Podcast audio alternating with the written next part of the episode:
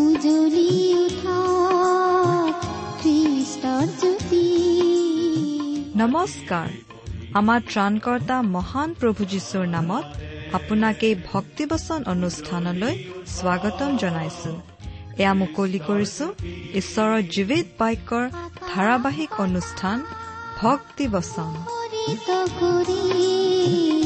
গাওঁ সবে মিলি প্ৰশংসা গীতি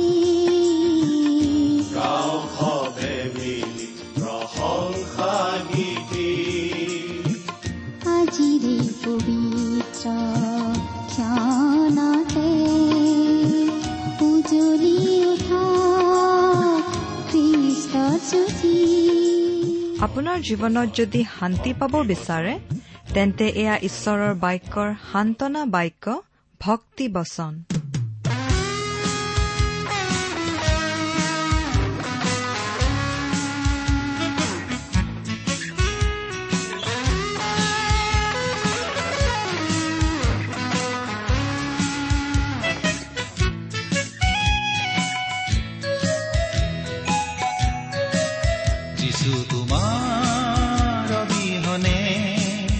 আজি মোৰে জীৱন।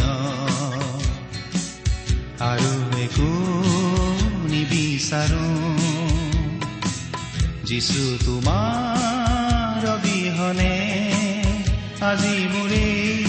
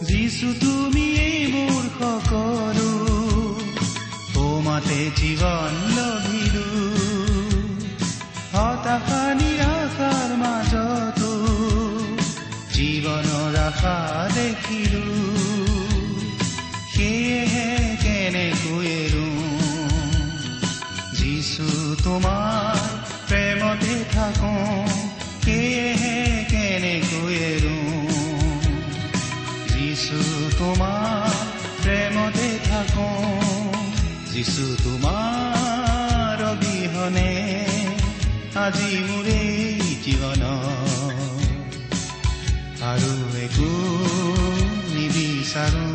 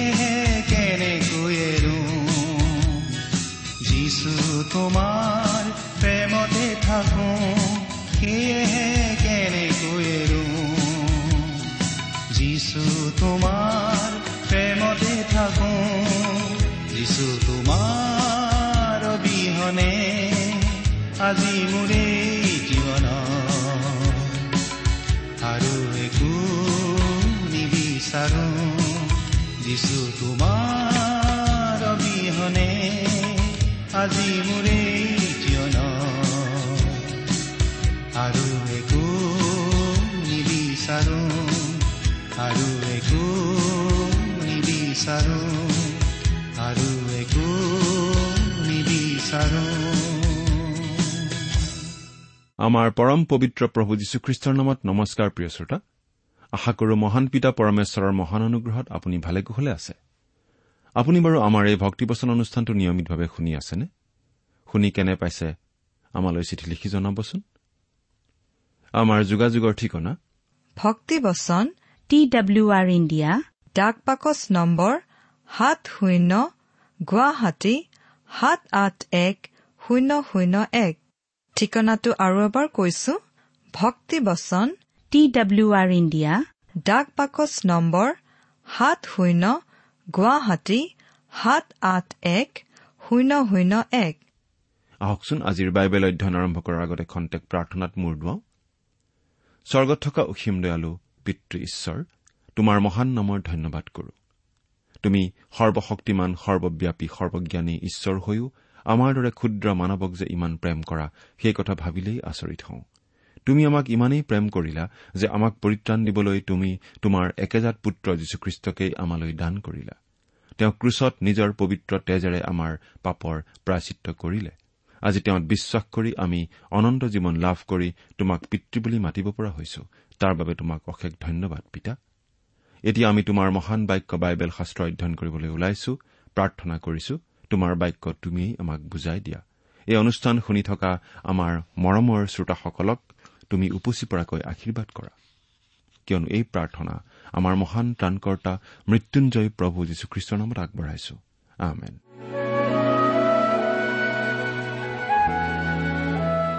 প্ৰিয় শ্ৰোতা আপুনি বাৰু আমাৰ এই ভক্তিবচন অনুষ্ঠানটো নিয়মিতভাৱে শুনি আছেনে? যদিহে আপুনি আমাৰ এই ভক্তিবচন অনুষ্ঠানটো নিয়মিতভাৱে শুনি আছে। তেনেহলে আপুনি নিশ্চয় জানে যে আমি আজি ভালেমান দিন ধৰি বাইবেলৰ পুৰণি নিয়ম খণ্ডৰ দানিয়েলৰ পুস্তক নামৰ পুস্তকখন অধ্যয়ন কৰি আছো। ইতিমধ্যে আমি বহুদূৰ আগবাঢ়ি আহিলো। যদিহে আপুনি আমাৰ যোৱা অনুষ্ঠানটো শুনিছিল তেনেহলে আপোনাৰ নিশ্চয় মনত আছে যে যোৱা অনুষ্ঠানত আমি এই দানিয়েলৰ পুস্তক নামৰ পুস্তকখনৰ সাত নম্বৰ অধ্যায়ৰ বাইশ নম্বৰ পদলৈকে পঢ়ি আমাৰ আলোচনা আগবঢ়াইছিলো। নহয়নে বাৰু? আজিৰ অনুষ্ঠানত আমি এই দানিয়েল পুস্তকৰ সাত নম্বৰ অধ্যায়ৰ তেইছ নম্বৰ পদৰ পৰা আমাৰ আলোচনা আগবঢ়াই নিব খুজিছো। আমি প্ৰায়েই এই কথা উল্লেখ কৰি আহিছো যে এই দানিয়েল পুস্তকখন হৈছে এখন ইতিহাসমূলক পুস্তক লগতে এখন ভাৱবাণীমূলক পুস্তক। ইয়াত ঐতিহাসিক কথাৰ বিৱৰণো আছে আৰু কিছুমান ভাৱবাণীমূলক কথাও আছে। আৰু দুয়োখিনি কথাই আমাৰ বাবে জানিবলগীয়া বুজিবলগীয়া কথা। প্ৰিয় শ্ৰোতা আমি মাজে সময়ে এই কথাটো সোঁৱৰাই দি থাকো যে যিহেতু আমাৰ এই অনুষ্ঠানটো বাইবেল অধ্যয়নৰ অনুষ্ঠান গতিকে এই অনুষ্ঠানটো শুনিবৰ সময়ত লগত বাইবেল এখন লৈ ল'লে ভাল হয়। কাৰণ আমি যিমান পাৰোঁ বাইবেলৰ পৰাই পদবিলাক পঢ়ি যাওঁ আৰু তাৰ ব্যাখ্যা সহজ সৰলভাৱে আগবঢ়াবলৈ চেষ্টা কৰোঁ। আপুনি বাৰু আপোনাৰ লগত বাইবেলখন মেলি লৈছেনে? এতিয়া আহকচোন আমি মূল কথাৰ ফালে আগবাঢ়ি যাওঁ। আমি আচলতে যোৱা কেইটামান অনুষ্ঠানত যিটো বিষয় আলোচনা কৰি আছো সেই বিষয়টো হৈছে দানিয়েলে এটা বিশেষ কথা দেখিছিল। চাৰিটা জন্তুৰ তেওঁ দৰ্শন এটা পাইছিল। আৰু লগতে তেওঁ স্বৰ্গৰ এটা দৰ্শন পাইছিল। সেই চাৰিটা জন্তুৱে চাৰিখন বিশ্ব সাম্ৰাজ্যক বুজাইছিল। আনফালে স্বৰ্গত যি তেওঁ দৰ্শনটো পাইছিল তাৰ যোগেদি পৃথিৱীত নামি আহিবলগীয়া মহাক্লেশৰ যুঁজা। স্বৰ্গত চলি থকা এনেকুৱা এটা ধাৰণা আমি পাইছিলো। আজিও আমি আচলতে সেই বিষয়ৰেই আলোচনা কৰিম। বাইবেলৰ পৰা পাঠ কৰি দিম। অনুগ্ৰহ কৰি চাই যাব যদিহে লগত বাইবেল নাই অনুগ্ৰহ কৰি মন দি শুনিবচোন। দানিয়েল সাত নম্বৰ অধ্যায়ৰ তেইছ নম্বৰ পদ। প্ৰথমতে পাঠ কৰি দিছো। ইয়াত এনেদৰে লিখা আছে সেই পুৰুষজনে এই কথা কলে যি ৰাজ্য সকলো ৰাজ্যতকৈ বেলেগ হ'ব। গোটেই পৃথিৱীক গ্ৰাস কৰিব আৰু ভৰিৰে গচকি গুৰি কৰিব। চতুৰ্থ জন্তুটোৱে পৃথিৱীৰ এনে চতুৰ্থ ৰাজ্য বুজায়। এই পদটোত চতুৰ্থটো জন্তুক এখন সাম্ৰাজ্য বা ৰাজ্য বুলি বুজোৱা হৈছে আৰু সোতৰ নম্বৰ পদত এই জন্তুটোৰে বুজোৱা হৈছিল সাম্ৰাজ্যৰ সম্ৰাট এজনক। সম্ৰাটজনক তেওঁৰ সাম্ৰাজ্যৰ পৰা বেলেগ কৰি চিন্তা কৰাটো সম্ভৱপৰ নহয়। এটা মুদ্ৰাৰ ইপিঠি সিপিঠিৰ নিচিনাকৈ দুয়ো অবিচ্ছেদ্য। এই চতুৰ্থ ৰাজ্যখন হ'ব ৰোমান সাম্ৰাজ্য।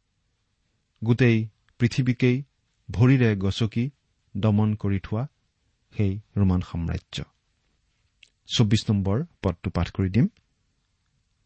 আৰু সেই দহোটা শিঙৰ অৰ্থ এই সেই ৰাজ্যৰ পৰা দহজন ৰজা উৎপন্ন হ'ব। তেওঁবিলাকৰ পাছত আন এজন ৰজা উৎপন্ন হ'ব। তেওঁ আগৰবিলাকতকৈ বেলেগ হ'ব। তেওঁ তিনিজন ৰজাক নত কৰিব। এই চতুৰ্থ জন্তুটোৰ পৰা দহটা শিং ওলাই আহিব আৰু সেই দহটা শিং ওলোৱা প্ৰক্ৰিয়াটোৱে আচলতে চতুৰ্থখন বিশ্ব সাম্ৰাজ্য অৰ্থাৎ ৰোমান সাম্ৰাজ্যৰ একেবাৰে শেষ অৱস্থাটোক বুজাইছে। আৰু সেই কথাখিনি এতিয়ালৈকে ফলিওৱা নাই এতিয়ালৈকে ঘটা নাই। সেইটো ভৱিষ্যতেহে ঘটিবলগীয়া ঘটনা হৈ আছে। আৰু এই প্ৰতিজন ৰজাই একো একোখন ৰাজ্যক বুজায়। এঘাৰ নম্বৰ ৰজা অৰ্থাৎ সৰু শিংটোৰো উদ্ভৱ হ'ব। আৰু এই সৰু শিংটো আনবোৰ ৰজাতকৈ বেলেগ হ'ব। আৰু এই বিশেষ ব্যক্তিজনে অৰ্থাৎ এই সৰু শিংটোৱে তিনিটা শিং অৰ্থাৎ তিনিজন শাসনকৰ্তাক দমন কৰি বিশ্ব শাসক হৈ উঠিব। সেই ব্যক্তিজনেই আচলতে গোটেই বিশ্বখনৰ একনায়কত্ববাদী শাসক হৈ পৰিব। এই কথাটোকেই আমাক বিশেষভাৱে জনাই দিয়া হৈছে প্ৰকাশিত বাক্য পুস্তকত। আমি প্ৰকাশিত বাক্য পুস্তকৰ পৰা এটা পদ চাওঁচোন। প্ৰকাশিত বাক্য তেৰ নম্বৰ অধ্যায়ৰ সাত নম্বৰ পদ। ইয়াত কি লিখা আছে? আৰু পবিত্ৰ লোকে সৈতে যুদ্ধ কৰি তেওঁবিলাকক জয় কৰিবলৈ তাক শক্তি দিয়া হ'ল। আৰু সকলো ফৈদ লোক ভাষা আৰু জাতিবিলাকৰ ওপৰত তাক ক্ষমতা দিয়া হ'ল। সেই সৰু শিং অৰ্থাৎ খ্ৰীষ্টাৰী হৈছে পাপ পুৰুষ। আৰু মহাক্লেশৰ সময়ছোৱাত তেওঁৱেই পৃথিৱীত শাসন চলাব সকলো ভাষা জাতি ফৈদ আদিৰ ওপৰত শাসন চলাব। আৰু সেই মহাক্লেশৰ সময় হ'ব সাত বছৰ কাল। এতিয়া পঁচিছ নম্বৰ পদটো পাঠ কৰি দিছো। তেওঁ সৰ্বোপৰি জনাৰ অহিতে কথা কব।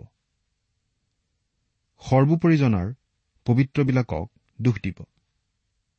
নিৰূপিত সময় আৰু ব্যৱস্থা সলনি কৰিবলৈ মন কৰিব। আৰু এক কাল দুই কাল আৰু আধা কাললৈকে তেওঁবিলাকক তেওঁৰ হাতত সোধাই দিয়া হ'ব। সেই সৰু শিং অৰ্থাৎ সেই খ্ৰীষ্টাৰী কেনেকুৱা হ'ব? সেই খ্ৰীষ্টাৰী হ'ব ঈশ্বৰ নিন্দক। আমি প্ৰকাশিত বাক্যৰ পৰা আকৌ চাব খুজিছো। প্ৰকাশিত বাক্য তেৰ নম্বৰ অধ্যায়ৰ পাঁচ আৰু ছয় নম্বৰ পদ দুটা চাওঁচোন। তাক বৰ বৰ কথা আৰু ঈশ্বৰ নিন্দাসূচক বাক্য কোৱা মুখ দিয়া হ'ল। আৰু দুকুৰি দুমাহলৈকে কাৰ্য কৰিবলৈ তাক ক্ষমতা দিয়া হ'ল। তাতে সি নিজ মুখ মেলি ঈশ্বৰৰ বিৰুদ্ধে ঈশ্বৰ নিন্দাসূচক বাক্যেৰে তেওঁৰ নাম আৰু তেওঁৰ বাসস্থান অৰ্থাৎ স্বৰ্গ নিবাসী সকলোকে নিন্দা কৰিবলৈ ধৰিলে। খ্ৰীষ্টাৰীৰ এটা বৈশিষ্ট্য বা লক্ষণ হৈছে এইয়ে যে তেওঁ ঈশ্বৰ বিৰোধী আৰু খ্ৰীষ্ট বিৰোধী। এইটো খ্ৰীষ্টাৰীৰ এটা অৰ্থ। খ্ৰীষ্টাৰীৰ আন এটা অৰ্থ হৈছে ভুৱা খ্ৰীষ্ট বা ডুপ্লিকেট খ্ৰীষ্ট। আমি বিশ্বাস কৰোঁ যে প্ৰকাশিত বাক্য তেৰ নম্বৰ অধ্যায়ত আমি যি দুটা পশুৰ কথা পাওঁ সেই পশু দুটাই খ্ৰীষ্টাৰীৰ এই দুটা চৰিত্ৰৰ প্ৰতিনিধিত্ব কৰে বা খ্ৰীষ্টাৰীৰ চৰিত্ৰৰ দুটা দিশ আমাৰ আগত দাঙি ধৰে। প্ৰথমটো হৈছে যে খ্ৰীষ্টাৰী হৈছে খ্ৰীষ্টৰ বিৰোধী আৰু ঈশ্বৰক নিন্দা কৰা ব্যক্তি। আৰু দ্বিতীয়টো হৈছে তেওঁ ভুৱা ভাৱবাদী। অৰ্থাৎ তেওঁ নিজকে ভাৱবাদী বুলি কয় কিন্তু ভাৱবাদী নহয়। আৰু তেওঁ নিজকে খ্ৰীষ্টৰ নিচিনা দেখুৱায় বা নিজে খ্ৰীষ্ট বুলি চিনাকি দিবলৈ চেষ্টা কৰে। যদিও তেওঁ এটা ভেড়াৰ নিচিনা ব্যৱহাৰ দেখুৱায় কিন্তু আচলতে তেওঁ ভেড়াৰ পোছাক পিন্ধা ৰাং কুকুৰহে। আমাক এই বুলি কোৱা হৈছে যে তেওঁ সৰ্বোপৰিজনৰ পবিত্ৰবিলাকক দোষ দিব। তাৰমানেনো কি? অৰ্থাৎ সেই খ্ৰীষ্টাৰীয়ে পবিত্ৰবিলাকক সাধুসকলক নানা ধৰণে দুখ কষ্ট দিব তাৰণা কৰিব। নিৰূপিত সময় আৰু ব্যৱস্থা সলনি কৰিবলৈ মন কৰিব। সেই সৰু শিং অৰ্থাৎ খ্ৰীষ্টাৰীয়ে বিভিন্ন ৰীতি নীতি পৰম্পৰা আৰু বিধি বিধান আদি সলনি কৰিবলৈ চেষ্টা কৰিব আৰু কৰিবও সেই সৰু শিংটোৰ শাসনকাল অৱশ্যে বৰ বেছি দীঘলীয়া নহ'ব। যথেষ্ট কমদিনীয়া হ'ব। কাৰণ আমাক এই বুলি জনাই দিয়া হৈছে যে এক কাল দুই কাল আৰু আধা কাললৈকে তেওঁবিলাকক তেওঁৰ হাতত সোধাই দিয়া হ'ব। তাৰমানে কি বাৰু? এক কাল মানে হৈছে এবছৰ। দুই কাল মানে হৈছে দুবছৰ। আৰু আধা কাল মানে হৈছে আধা বছৰ। অৰ্থাৎ সৰ্বমুঠ চাৰে তিনি বছৰ। সাত বছৰীয়া মহাক্লেশৰ দ্বিতীয় ভাগত অৰ্থাৎ শেষৰ চাৰে তিনিটা বছৰত সেই সৰু সিঙে পৃথিৱীত শাসন আৰু উৎপাত চলাব। এতিয়া ছাব্বিছ নম্বৰ পদটো পঢ়ি দিম। কিন্তু বিচাৰ সভা বহিব। তাতে তেওঁৰ ৰাজ্যভাৰ তেওঁৰ পৰা নিয়া হ'ব। আৰু শেষ নথকাকৈ সেয়ে ক্ষয় পাই বিনষ্ট হ'ব। কিন্তু বিচাৰ সভা বহিব। এই কথাটোৱে আমাক প্ৰকাশিত বাক্যৰ চাৰি আৰু পাঁচ নম্বৰ অধ্যায়ৰ কথা মনত পেলাই দিয়ে। সেই প্ৰকাশিত বাক্যৰ চাৰি আৰু পাঁচ নম্বৰ অধ্যায়ত আমি স্বৰ্গৰ সিংহাসনৰ বৰ্ণনা পাওঁ। কেন্দ্ৰত থকা মূল সিংহাসনত বহা জনা আৰু বিচাৰৰ ৰায় কাৰ্যত পৰিণত কৰোতা মেৰ পোৱালী অৰ্থাৎ যীশুখ্ৰীষ্ট আৰু ঈশ্বৰৰ দ্বাৰা সৃষ্ট আৰু পৰিত্ৰাণ লাভ কৰা স্বৰ্গত থকা সকলো সৃষ্টিৰ মাজত। এই কথাত একমত আৰু সিদ্ধান্ত লোৱা হ'ব যে সেই পশু অৰ্থাৎ খ্ৰীষ্টাৰীক দমন কৰা হওক। সেই খ্ৰীষ্টাৰীৰ শাসন শেষ কৰা হওক আৰু সেই খ্ৰীষ্টাৰীৰ সোধ বিচাৰ কৰা হওক। বিচাৰ সভা বহিব। এইটো কোনেও সলনি কৰিব নোৱাৰে। এই বিচাৰ মহাক্লেশৰ সময়ছোৱাৰ মাজত চলি থাকিব আৰু চূড়ান্ত ৰূপ ধাৰণ কৰি সামৰণি পৰিব। পৃথিৱীত তেওঁৰ ন্যায় শাসন প্ৰতিষ্ঠা কৰিবলৈ খ্ৰীষ্ট যেতিয়া আকৌ আহিব তেতিয়া।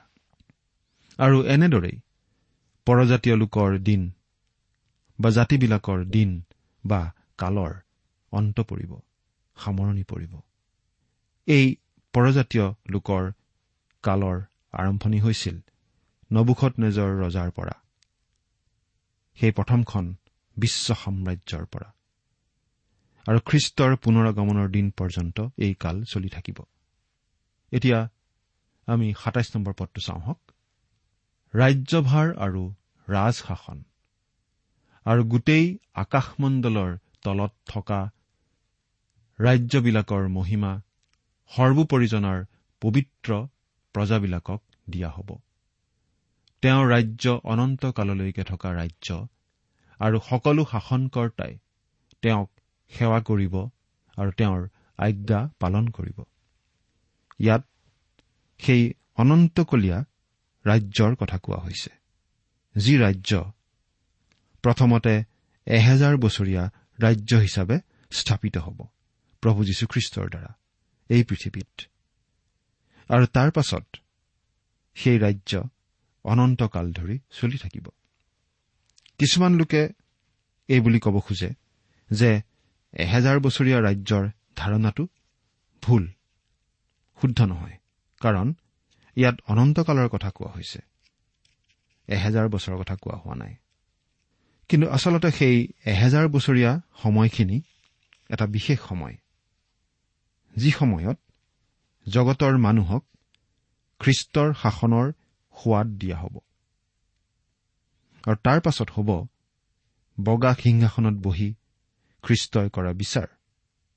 আৰু তাৰ পাছতেই সেই ৰাজ্য অনন্তকাল ধৰি চলি থাকিব। আদিমণ্ডলীৰ এজন বিখ্যাত সাধুৱে এনেদৰে মন্তব্য কৰিছিল। সেই খ্ৰীষ্টাৰীয়ে এই পৃথিৱীৰ সকলো লণ্ডভণ্ড কৰাৰ পাছত তেওঁ চাৰে তিনি বছৰ ধৰি শাসন চলাব আৰু জিৰচালেমৰ মন্দিৰত বহিব। তাৰ পাছত প্ৰভু স্বৰ্গৰ পৰা আহিব মেঘ ৰথত উঠি পিতৃৰ মহিমা জ্যোতিৰে। সেই খ্ৰীষ্টাৰী আৰু খ্ৰীষ্টাৰীৰ অনুগামীবোৰক অগ্নিৰ সৰোবৰলৈ পঠাব আৰু ৰাজ্য স্থাপন কৰিব। সেই শান্তি সেই বিশ্ৰাম পবিত্ৰ বিশ্ৰামৰ দিনৰ সূচনা কৰিব। অব্ৰাহামক প্ৰতিজ্ঞা কৰা সেই ৰাজ্য পুনৰ সংস্থাপিত হ'ব। যি বিষয়ে প্ৰভুৱে এনেদৰে প্ৰতিজ্ঞা কৰিছিল। পূব আৰু পশ্চিমৰ পৰা অনেক লোক আহি অব্ৰাহাম ইছহাক আৰু জাকুবৰ সৈতে একেলগে বহিব। গতিকে প্ৰভু যীশুখ্ৰীষ্ট এই পৃথিৱীলৈ আহি ইয়াত এহেজাৰ বছৰীয়া শাসনৰ সূচনা কৰিব বুলি বিশ্বাস কৰা কথাটো আদিমণ্ডলীৰ মাজতো চলিছিল। এজন বিখ্যাত ইতিহাসবিদে এই বুলি মন্তব্য কৰিছিল। নাইচিন যুগৰ আগৰ সময়ছোৱাৰ ভৱিষ্যৎবাণী বিষয়ৰ এটা বিশেষত্ব এই আছিল যে তেওঁলোকে এই কথা বিশ্বাস কৰিছিল যে খ্ৰীষ্টই সকলোৱে দেখাকৈ গৌৰৱ মহিমাৰে এই পৃথিৱীলৈ আহিব। ইতিমধ্যেই এই পৃথিৱীৰ পৰা উত্তোলিত হোৱা সাধুসকলৰ সৈতে পৃথিৱীত এহেজাৰ বছৰীয়া শাসন চলাবৰ কাৰণে।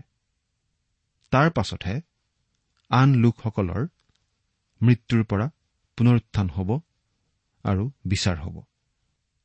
এই বিষয়টো মণ্ডলীৰ বিশেষ বিশ্বাস উক্তি নাইবা কোনো উপাসনা প্ৰণালীত সন্নিৱিষ্ট কৰি থোৱা তাত্বিক বিষয় নাছিল।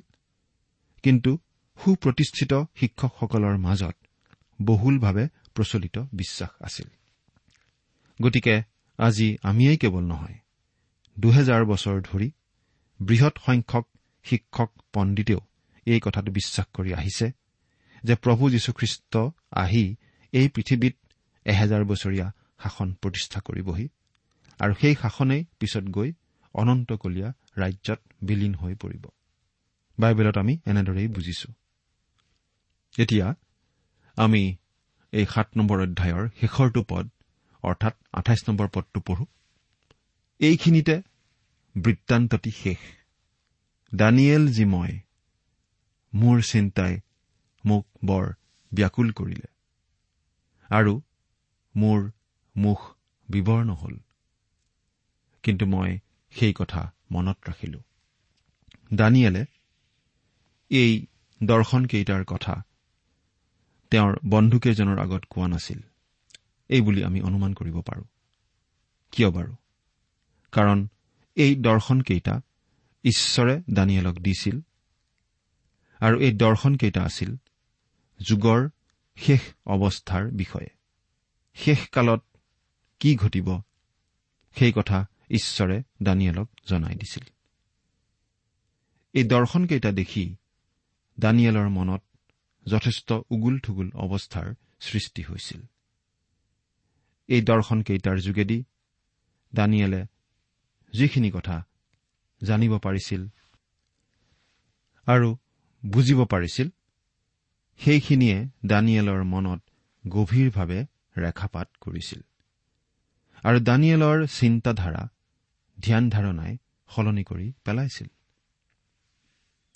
এই কথাবোৰ তেওঁ আগতে কেতিয়াও জনা নাছিল। তেওঁ এনেধৰণে কথাবোৰ কেতিয়াও চিন্তা কৰিও চোৱা নাছিল। এই গোটেই কথাবোৰ তেওঁৰ বাবে একেবাৰে নতুন কথা যেন আছিল। গতিকে তেওঁৰ শৰীৰ আৰু মন দুয়োটাতেই এই দৰ্শনকেইটাই বিশেষভাৱে প্ৰভাৱ পেলাইছিল।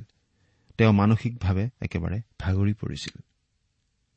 তেওঁ ব্যাকুল হৈ পৰিছিল। তেওঁৰ মুখ বিৱৰ্ণ হৈছিল।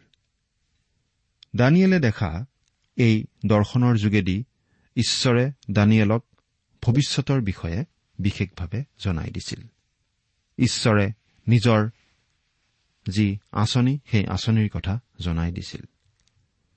ভৱিষ্যতে কি ঘটিব সেই কথা ঈশ্বৰে জনাই দিছিল। আৰু আজি আমি এই ভাৱবাণীবোৰ অধ্যয়ন কৰোঁতে কেনেদৰে বা কেনে মনোভাৱেৰে অধ্যয়ন কৰা উচিত? বহুতো মানুহে এই ভাৱবাণীবোৰ অধ্যয়ন কৰে কেৱল নিজৰ সন্তুষ্টিৰ কাৰণে। স্বাৰ্থপৰৰ নিচিনাকৈ নিজৰ জ্ঞান বৃদ্ধিৰ কাৰণেহে তেওঁলোকে এই ভাৱবাণীবোৰ পঢ়ে। বা হয়তো তথাকথিত জ্ঞানৰ ভাণ্ডাৰ বৃদ্ধি কৰিবলৈ বহুতে পঢ়ে। বা হয়তো বহুতে নিজৰ অনুসন্ধিৎসু মনক শান্ত কৰিবলৈ এই ভাৱবাণীবোৰ পঢ়ে। কাৰণ ভৱিষ্যতে কি ঘটিব সেইটো জানিবলৈ সকলো মানুহৰেই কম বেছি পৰিমাণে মন যায়। আৰু মন যোৱাটো স্বাভাৱিক কথা। কিন্তু বাইবেলত থকা ভাৱবাণীসমূহ আমি অধ্যয়ন কৰাৰ উদ্দেশ্য এইটো হ'ব নালাগে। ঈশ্বৰে বাইবেলত এই ভাৱবাণীবোৰ আমাৰ বাবে বিশেষ উদ্দেশ্যতহে ৰাখিছে। এই ভৱিষ্যৎবাণীমূলক ভাৱবাণীবোৰ আমি অধ্যয়ন কৰিব লাগে প্ৰাৰ্থনাপূৰ্ণ হৃদয়েৰে। আৰু এইবোৰৰ পৰা আমি আমাৰ আম্মিক জীৱনৰ কাৰণে প্ৰয়োজনীয় শিক্ষা আহৰণ কৰিব লাগে। এনে উদ্দেশ্যেৰে ভক্তিপূৰ্ণভাৱে প্ৰাৰ্থনাশীল হৃদয়েৰে এনে ভাৱবাণীবোৰ অধ্যয়ন কৰিলে বিশ্বাসকাৰীজনৰ জীৱনত বিশেষ পৰিৱৰ্তন আহিবই। আপুনি বাৰু এই যিখিনি কথা পঢ়িছে আৰু বুজিছে এই কথাখিনিয়ে আপোনাৰ জীৱনত কেনেধৰণে প্ৰভাৱ পেলাইছে চিন্তা কৰি চাওকচোন। ঈশ্বৰে আপোনাক আশীৰ্বাদ কৰক। আমেন যদিও আছে প্ৰতিটো খোজতে দুখৰ ছায়া জীৱন যদিও আছে প্ৰতিটো খোজতে দুখৰ ছায়া জীৱন তুমিয়ে গভীৰ সান্তনাৰ সাগৰ তুমিয়ে সাধনা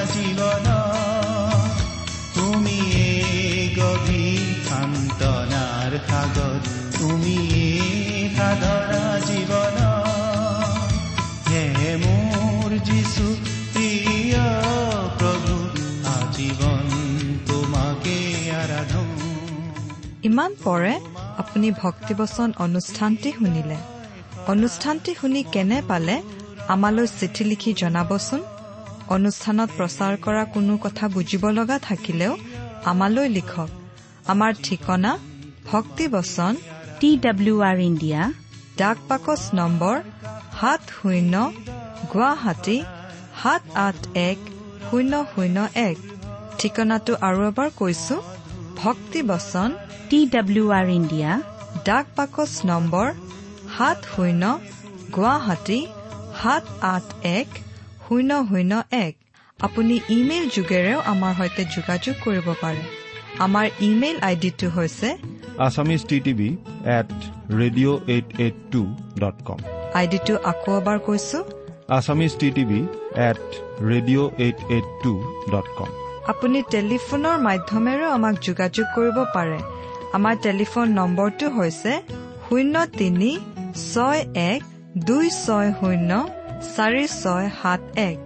ফোন নম্বৰটো আকৌ এবাৰ কৈছো zero' three six one two six zero' four six seven one আজিৰ অনুষ্ঠানটি ইমানতে সামৰিছো। ঈশ্বৰৰ শান্তি আৰু অনুগ্ৰহ আপোনাৰ লগত থাকক। ধন্যবাদ।